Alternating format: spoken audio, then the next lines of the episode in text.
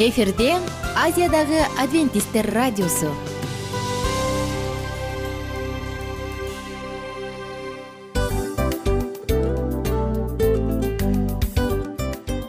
Достор салют. Баардык сүйүктүү угармандарыбызга салам айтабыз. Кутман күнүңүздөр менен. Ден соолук өмүрдүн булагы демекчи саламат саамы программасында баарыңыздарды көргөнүбүзгө абдан кубанычтабыз. Анда алгач амандашып өтөлү арбаңыздар деп. Ден соолугуңуздар кандай элибизде көбүнчө ден соолук кандай дегенде эле жакшы деп жооп беребиз э? ооруп турсак дагы жакшы дейбиз. Анан мен муну айтып ойлойт элем бул абдан сонун сөз депчи анткени бул жакшы деген үмүт да ооба баары жакшы болот. Баары сонун. Деп үмүттөнүп атып эле өзүбүздү өзүбүз дарылап коебуз. Анысы кандай? Сиздин дагы ден соолугуңуз жакшы беш деген үмүттөбүз чындыгында ден соолук бул өмүрдүн булагы деп бекеринен айтылган эмес деп ойлойм. Кыргыз элинде анткени эгерде ден соолук жок болсо анда адамдын жашоосунда калган баардык керектүү маңыздуу нерселер өзүнүн баалуулугун жоготуп коет. Ошондуктан ден соолук бул эң керектүү нерсе. Ооба туура айтасың кесиптешим. Чынында ден соолугуң жок бир эки үч күн ооруп калсаң эле э кандай болуп калат? Жашоодо көз каранды болуп каласың көп нерсеге жетишпей каласың көп нерсени кыла албай каласың жада калса эшикке дүкөнгө да чыга албай каласың. Туптуура анан ден соолук болсо демек биз биздин бактыбыз тотой деп койсок болот. Анда достор саламат саамы рубрикабызды баштайлы. Алдыда өзүңүзгө керектүү болгон сонун кеңештерди уга аласыздар. Мына ошондуктан биз менен бирге болуңуздар. Ал эми биз болсо милан жана айнура. Кеттик алга. Алга саламат саама ден соолуктун жарчысы. Саламат саама ден соолуктун ачкычы. Күн сайын сиз үчүн мыкты кеңештер сонун жаңылыктар кызыктуу фактылар биздин рубрикада.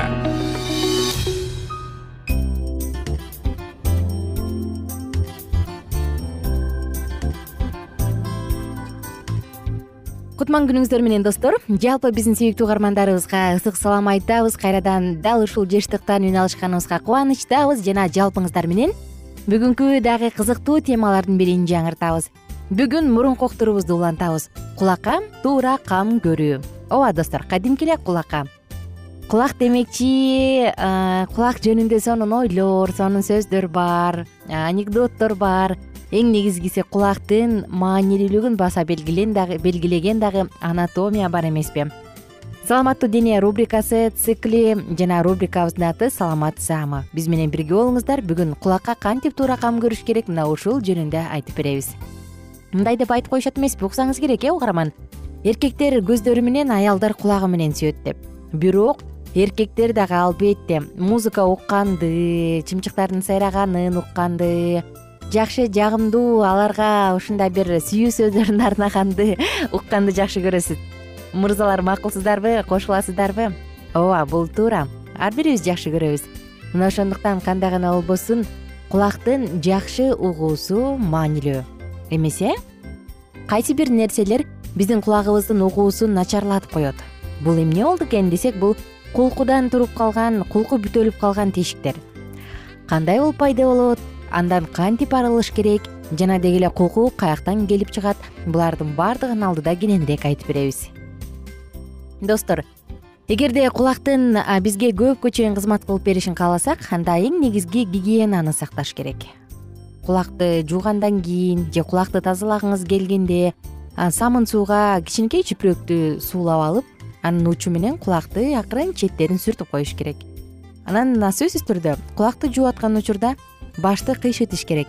Антпесе угуу каналдарына суу тийип калышы мүмкүн э баарыбыз деле кулагың ичи тунжурап бир укмуш боло берет эмеспи эгерде сырткы жагы кулактыкы кургап ушундай бир башкача кычышып турса анда аны вазелин же болбосо нымдандыруучу бет майлар менен сүйкөп койгон жакшы.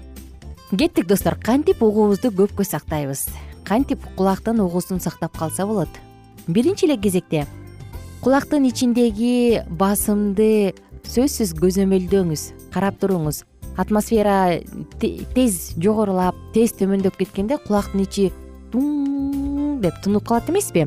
Мына дал ушул нерседен сакташ керек. Анткени бул дагы биздин угуубузду утурумдук начарлатып коет. Кандай кылабыз? Кулагыңыз тунуп калса оозуңузду чоң ачыңыз кайра жабыңыз ачыңыз кайра жабыңыз анан кадимки эле сагыз бар эмеспи? Э баарыбыз жакшы көргөн дал ушул сагызды чайнап коюңуз же жутуп жибериңиз. Угууну дагы эмне начарлатат? Кийинки кезекте бул жогоруда айтылгандай кукулар кулакка толуп калган кукулар. Кулактын кукусу кургап калат дагы ал катуу болуп анан кулактын каналын жаап пробка пайда кылып коет. Мында кээ бир адамдарда баш айланат мурду бүтөт кулагынын ичинде ызы чуу бир шумдар пайда болушу мүмкүн. Кээде болсо угуу бир аз төмөндөйт а кээде таптакыр жок болуп кетет элестетиңиз. Канчалык деңгээлде коркунучтуу. Мына ошондуктан мындай учурда кулагы таптакыр укпай калганда эмне кылыш керек? Анда доктурга барыш керек. Бир болгон окуяны эстеп кеттим бир адам кулагы укпай калыптыр да. Андан кийин баласы кызы келиңизчи ата кулагыңызды карап берейин деп ширеңке менен чукуп чукуп койсо кулагы угуп калыптыр дейт анысы кандай достор? Кээде үй шартында деле аракет кылып көргөн жакшы бирок ширеңке менен чукуу эмес. Жогоркудай айтылгандай чүпүрөктүн учу менен кулактын тешигин кулку бүтөп койсо эмне кылабыз? Доктурга барабыз алар биринчи эле ыкманы колдонушат бул кулакты жуу атайын суюктукту шприцке куюп алышат дагы анан кулакка давление пайда кылып басым пайда кылып куят. Ал жок калгандан кийин кулактын ичиндеги кулку атып чыгат. Мындай ыкма бирок диабет менен ооругандарга кант диабети барларга отит менен ооругандарга болбойт. Мындай ыкмадан кийин кимдир бирөөнүн жүрөгү айланып башы айланып кусуп да жибериши мүмкүн. Кулактын кулкусунан тазалоочу кийинки ыкма аспирация деп аталат. Эгер башкачараак айтканда электроотсос деп аталат.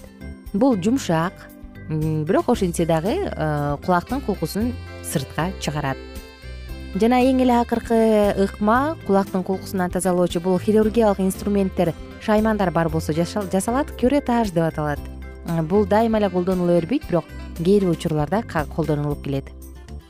Интернеттен кимдир бирөө болсо азыр бизде гугл ака гугл эже бар эмеспи э интернеттен көпчүлүгү кулактын кулкусун кантип үй шартында тазаласа болот деп туруп эксперимент жасашат. Бирок эгер сиз өзүңүздүн үстүңүздөн өзүңүздүн ден соолугуңузга өзгөчө балаңыздын ден соолугуна эксперимент жасагыңыз келбесе анда колдон келишинче эле өйдө жакка доктурларга барган жакшы эми достор эмне себептен кулку пайда болот? Келиңиздер сөз кылабыз. Бир уктуруубузда биз айтканбыз э атайын кулку бездери бар деп. Аны атайын кулак иштеп чыгарат деп. Бирок ал өтө ашыкча болуп кеткенде жогоруда айтылгандай пробка пайда болот. Кулку өзү пайдалуу бирок өтө ашып кеткенде болбойт. Эмне себептен кулку катуу боло баштайт? Келиңиздер бул жөнүндө дагы бир нече маалыматтарды айта кетейин. Эмне себептен дегенде туура эмес толук кандуу майларды жегенде бул катуу майларды жегенде эттин колбасалардын сааланын эт азыктарынын курамындагы майларды жегенде кулку катуу катуу боло баштайт.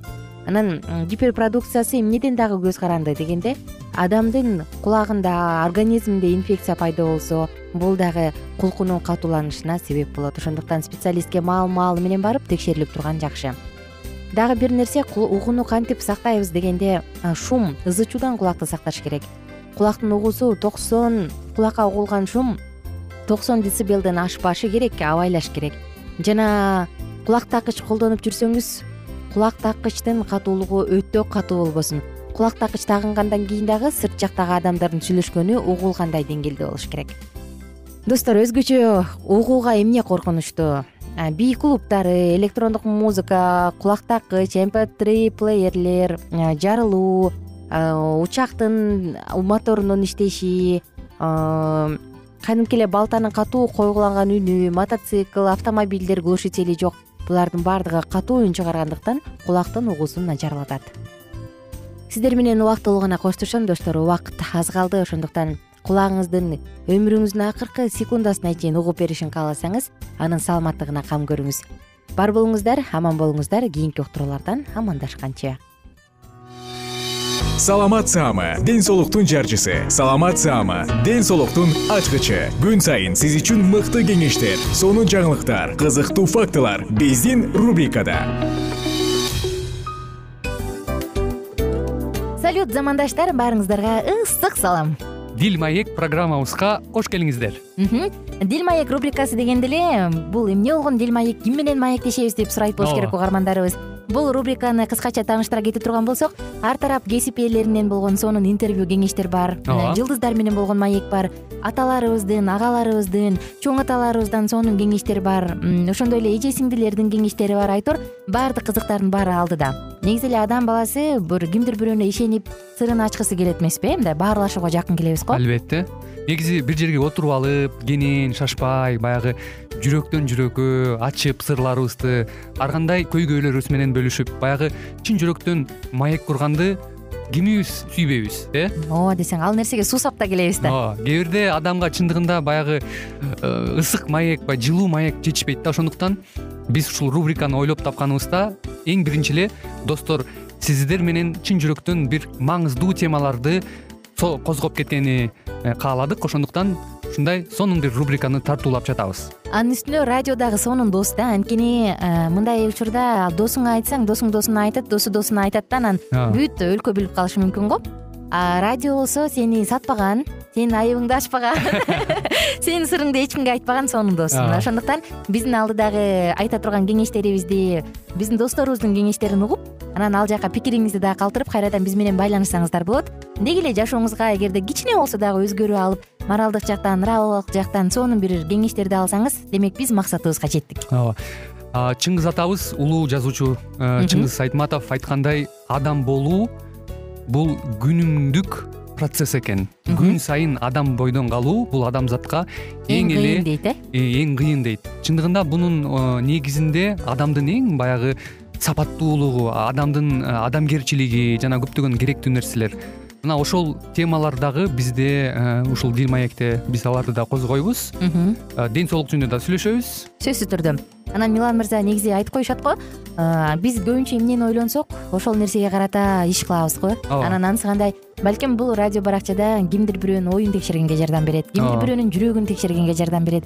Балким кимдир бирөөгө жашоонун маңызын тапканга жардам берет айтор кызыктын баары алдыда бул жөн гана кыскача жарнама анда угармандарыбыздын баардыгын кийинки рубрикабызга чакырабыз. Ал эми кызматта маңдайымда отурган кесиптешим милан жана мен айнура. Анда эмесе биз даярдаган терең терең ойлор менен таанышууга кеттик. Алыс алыс баралык. Анда эмесе достор биз менен бирге болуңуздар. Алдыда эң кызыктуу маалыматтардын баардыгы бир нече мүнөттөр бою жалгыз гана сизге арналат. Мына ошондуктан жакшы маанай менен угууну каалайбыз. Үн алышканча. Жөнөдүк.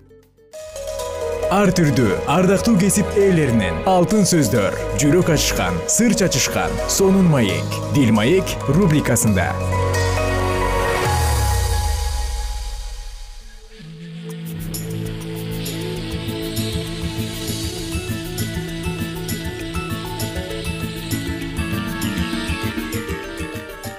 ассалому алейкум урматтуу радио угармандарыбыз. Кайрадан эле сиздердин назарыңыздарда сүйүү жоолугушуулар жана нике аттуу программабызды баштайбыз.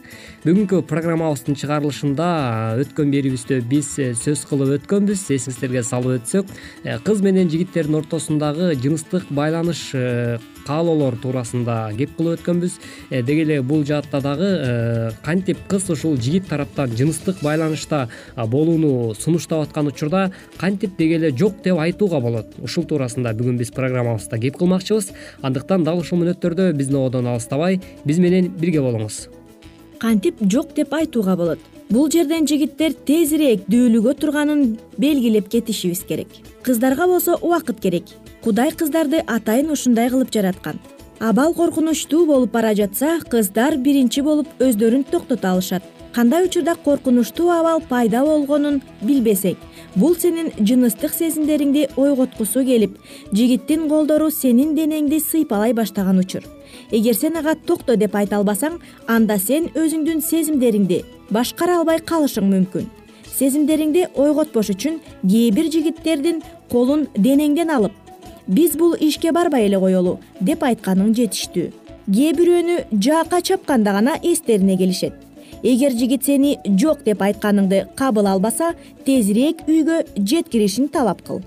Жок деп айтуу менен сен жигитке андай эмес кыз экениңди көрсөтөсүң. Кээ бир жигиттер ошондон кийин сага кызыкпай калышы мүмкүн. Бирок ошол эле учурда сага башка жигиттер кызыга башташат. Кээде баардыгы тескерисинче болуп жаткандай сезилиши мүмкүн. Бирок абийири таза кыздарды издеген абийири таза жигиттер бар экенин эсиңен чыгарба эгер силер чын эле бири бириңерди сүйсөңөр мамилеңерди толукташ үчүн жыныстык байланышта болуунун эч кандай кажети жок. Сүйүүңөрдөгү билдирүүнүн мындан башка миңдеген жолдору бар. Мына ошондуктан урматтуу кыздар жана балдар э, бүгүнкү кеңештеги айтылган сөздөр сөзсүз түрдө жашооңордо аткарылсын деген тилегибизди билдирмекчибиз. Анда эмесе дал ушул кыз жигиттердин ортосундагы болгон э, алдыдагы окуя туурасында дагы баяндап өтсөк. Мектептин аянтчасында бири бирине ашык болгон эки жаш чогуу басып келе жатышты. Алар кыздын үйүнө келип калышкан учурда кеч кирип калган болчу. Ошол эле кыз жашаган үйдүн көчөсүнүн дагы бир жеринде тепкичте эки жаш кучакташып өбүшүп турганын көрүштү. Бирок берки эки жаш болсо тигилердей болуп коштошууну туура көрүшкөн жок. Жигиттин сүйүктүүсү тепкичке жогорулаган учурда ал бажырайган көздөрү менен артына кылчайып карап жигиттин эрдине колун тийгизип сени менен өткөргөн убактым эң сонун болду деп айтты. Ошол учурда кыз чуркаган боюнча үйүн көздөй жөнөдү. Ошол учурда жигиттин нур чачып турган жүзүн көргөн адам ал бактылуу болушу үчүн мындан артык эч нерсе жок экендигин байкамак. Ал чын эле эч нерседен кур калган жок. Кыз ага ар бир жигит уккусу келген эң бактылуу сөздөрдү айтты. Кыз жигит менен аябай жакшы убакыт өткөргөндүгүн жигитти жакшы көрө тургандыгын кыз эң жакшы жолдор аркылуу билдирип калды албетте бул кыз көрүнгөн эле жигиттин эрдинен кармалап жүрө бербейт. Бул аркылуу кыз жигиттин канчалык баалай тургандыгын гана билдиргиси келген. Жигиттер силердин эсиңерде болсун. Ушундай учурда кудай жоопкерчиликти жигиттер алышын каалайт. Кызды жок деп айтууга мажбур кылбагыла. Силер кийин баш кошо турган кызга башка жигит кандай мамиле кылышын кааласаңар силер да сүйүшкөн кыздарыңарга ошондой мамиле жасагыла ошондой эле кыздар жана балдар кээде жүрүм турумга байланыштуу айрым бир суроолорду чогуу чечип алганыңар дагы абдан жакшы болуп саналат. Максат менен жибек бири бирин жакшы көрүшчү. Алар көптөн бери жолугушуп турушат. Бир жолу максат жибек менен сүйлөшүүнү чечти. Ал өзүнүн сүйүктүүсүнө мындай деп айтты. Мен сени аябай жакшы көрөм. Мен сени ушунчалык жакшы көргөндүктөн баардык убакта сени менен болгум келет. Бирок сен менин тиземе отурганыңда бул менин сезимдериме ушунчалык чоң таасир бергендиктен өзүмдү кармана албай каламбы деп корком. Ошондуктан өзүңдүн ордуңа эле отурушун суранам. Толкуп ташып турган сезимдерди токтотуу кыйын бирок токтотууга болот. Мен аябай ачка болуп кеттим. Тамак ичип келбейлиби деп айтса болот. Ошондой эле дагы бир кыз. Окуялар өтө тездик менен өнүгүп бара жаткандыгын көргөндө машиненин ачкычын бурап сен айдайсыңбы же мен айдайынбы деп сурап жиберчү экен мындан сырткары дагы деги эле кыздар дагы жигиттер менен жолугушуу өткөрүп турган учурунда эгерде жалгыз бир жерде болушканда жок деп айтууну алдын ала даярданып алганы абдан мыкты эреже болуп эсептелинет экен токтоп турган машинеде деле жок деп айтууга болот. Бирок сен буга чейин эле жок деп айтууга даяр болушуң керек. Жыныстык каалоо кыздарда да жигиттерде да сөзсүз боло турган нерсе. Силер ушундай учурларда алдын ала даяр болушуңар керек эртеби же кечпи бирок сени менен жыныстык байланышта болгусу келген. Адамды кездештиресиң. Ошол мезгилде чечим чыгарууга убакыт аз болгондуктан сезимдериңди башкара албай калышың мүмкүн. Ушундай учурда эмне кылышың керектигин алдын ала билип алганың жакшы. Сен ушундай учурларда даяр болушуң керек.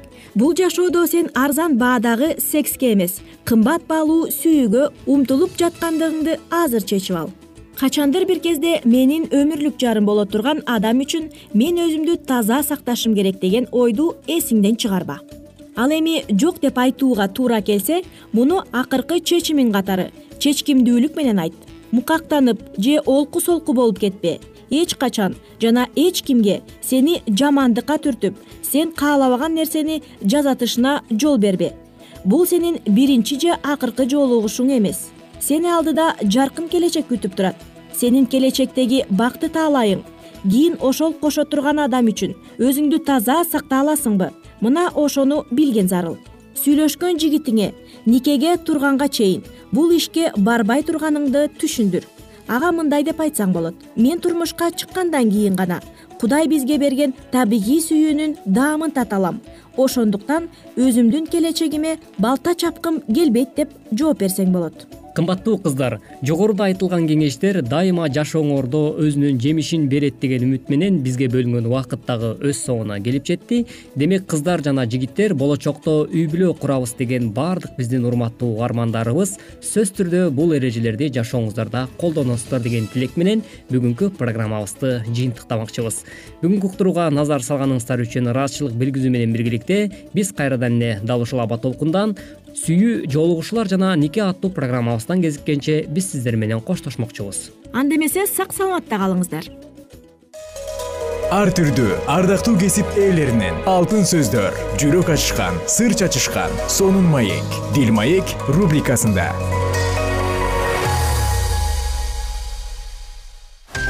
Жан дүйнөңдү байыткан жүрөгүңдү азыктанткан жашооңо маңыз тартуулаган жан азык рубрикасы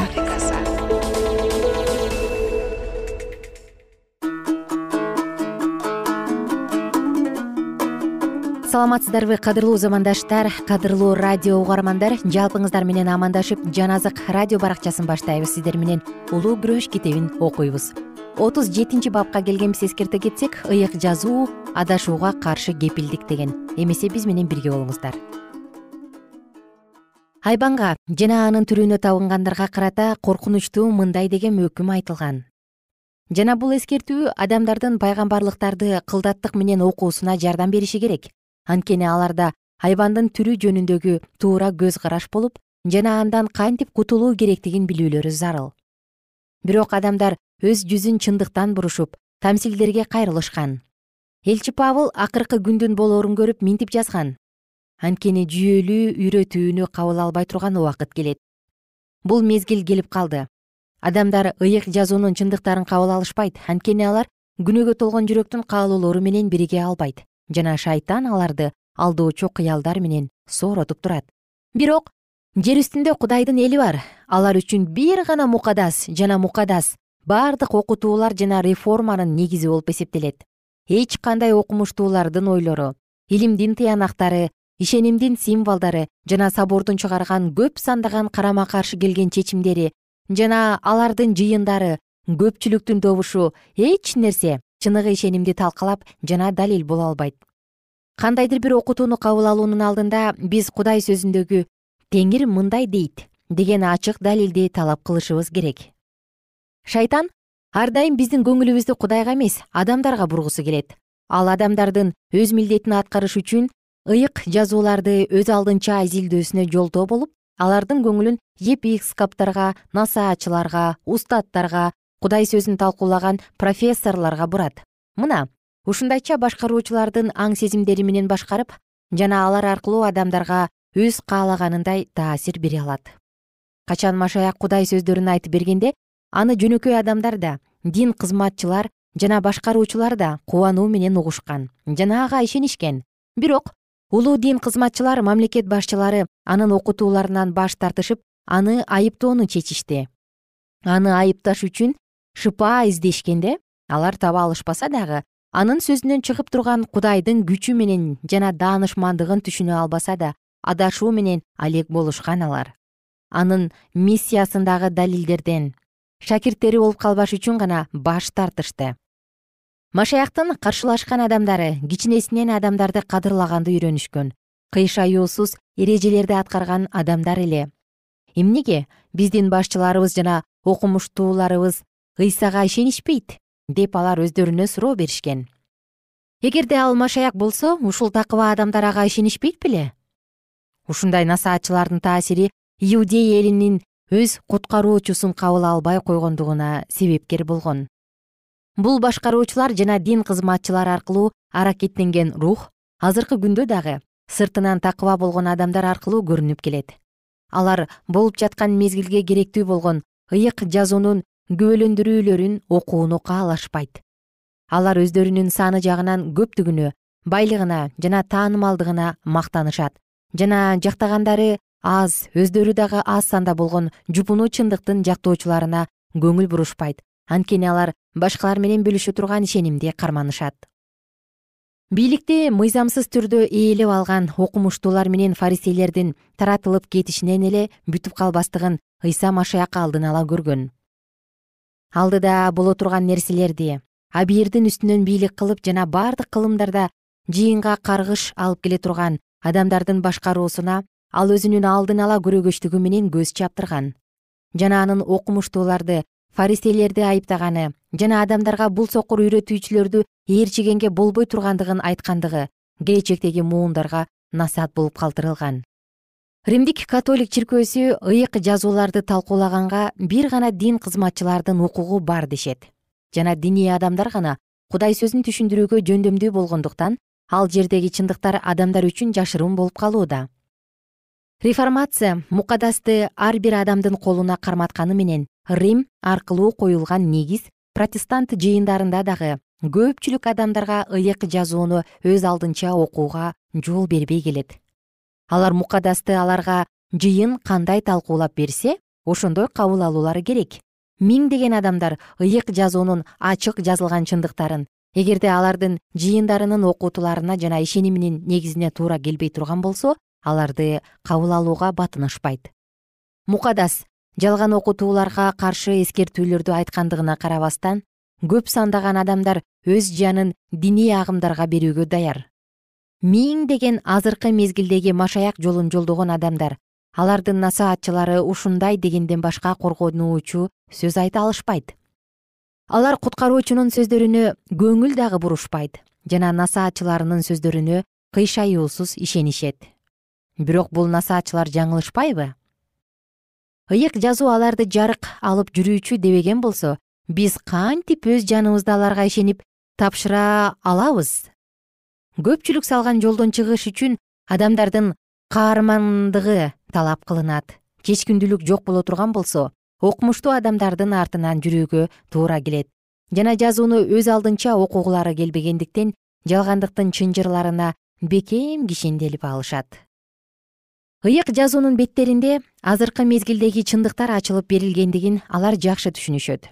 Жана анын жарыялаганда ыйык рухтун күчүн сезип турушат. Бирок ошого карабастан аларга диний адамдар жарык берип туруусун каалашат. Алардын абийири жана акылы чындыктардын бузулгус экендигин билдирип турса дагы курулай сокур болгон адамдар өз оюнун бар экендигин көргөзгүсү келет. Жана түбөлүктүү өмүрдүн кызыкчылыктары ишенбестиктин текебердиктин жана дин кызматчылардын пикирине курмандык болуп калууда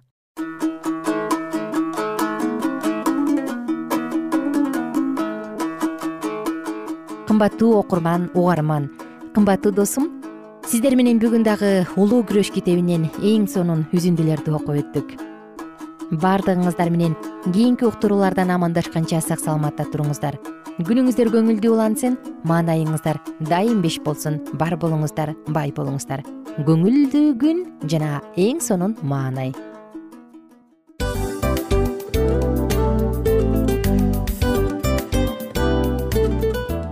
ушул менен достор программабыздын уктуруубуздун эң кайгылуу мөөнөтүнө келип жеттик. Кайгылуу дегенде ыйлагым келип кетти кесиптеш. Кадимкидей.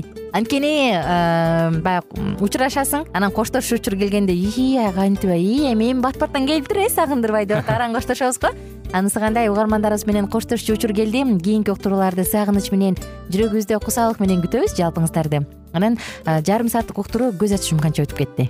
Сөзсүз бирок бизде жакшы кабар бар. Кийинки уктурууларыбызда сөзсүз дагы кезигишебиз. Анткени биз көптөгөн сюрприздерди кызыктуу маалыматтарды жана керектүү керектүү нерселердин көпүнчөсүн даярдадык.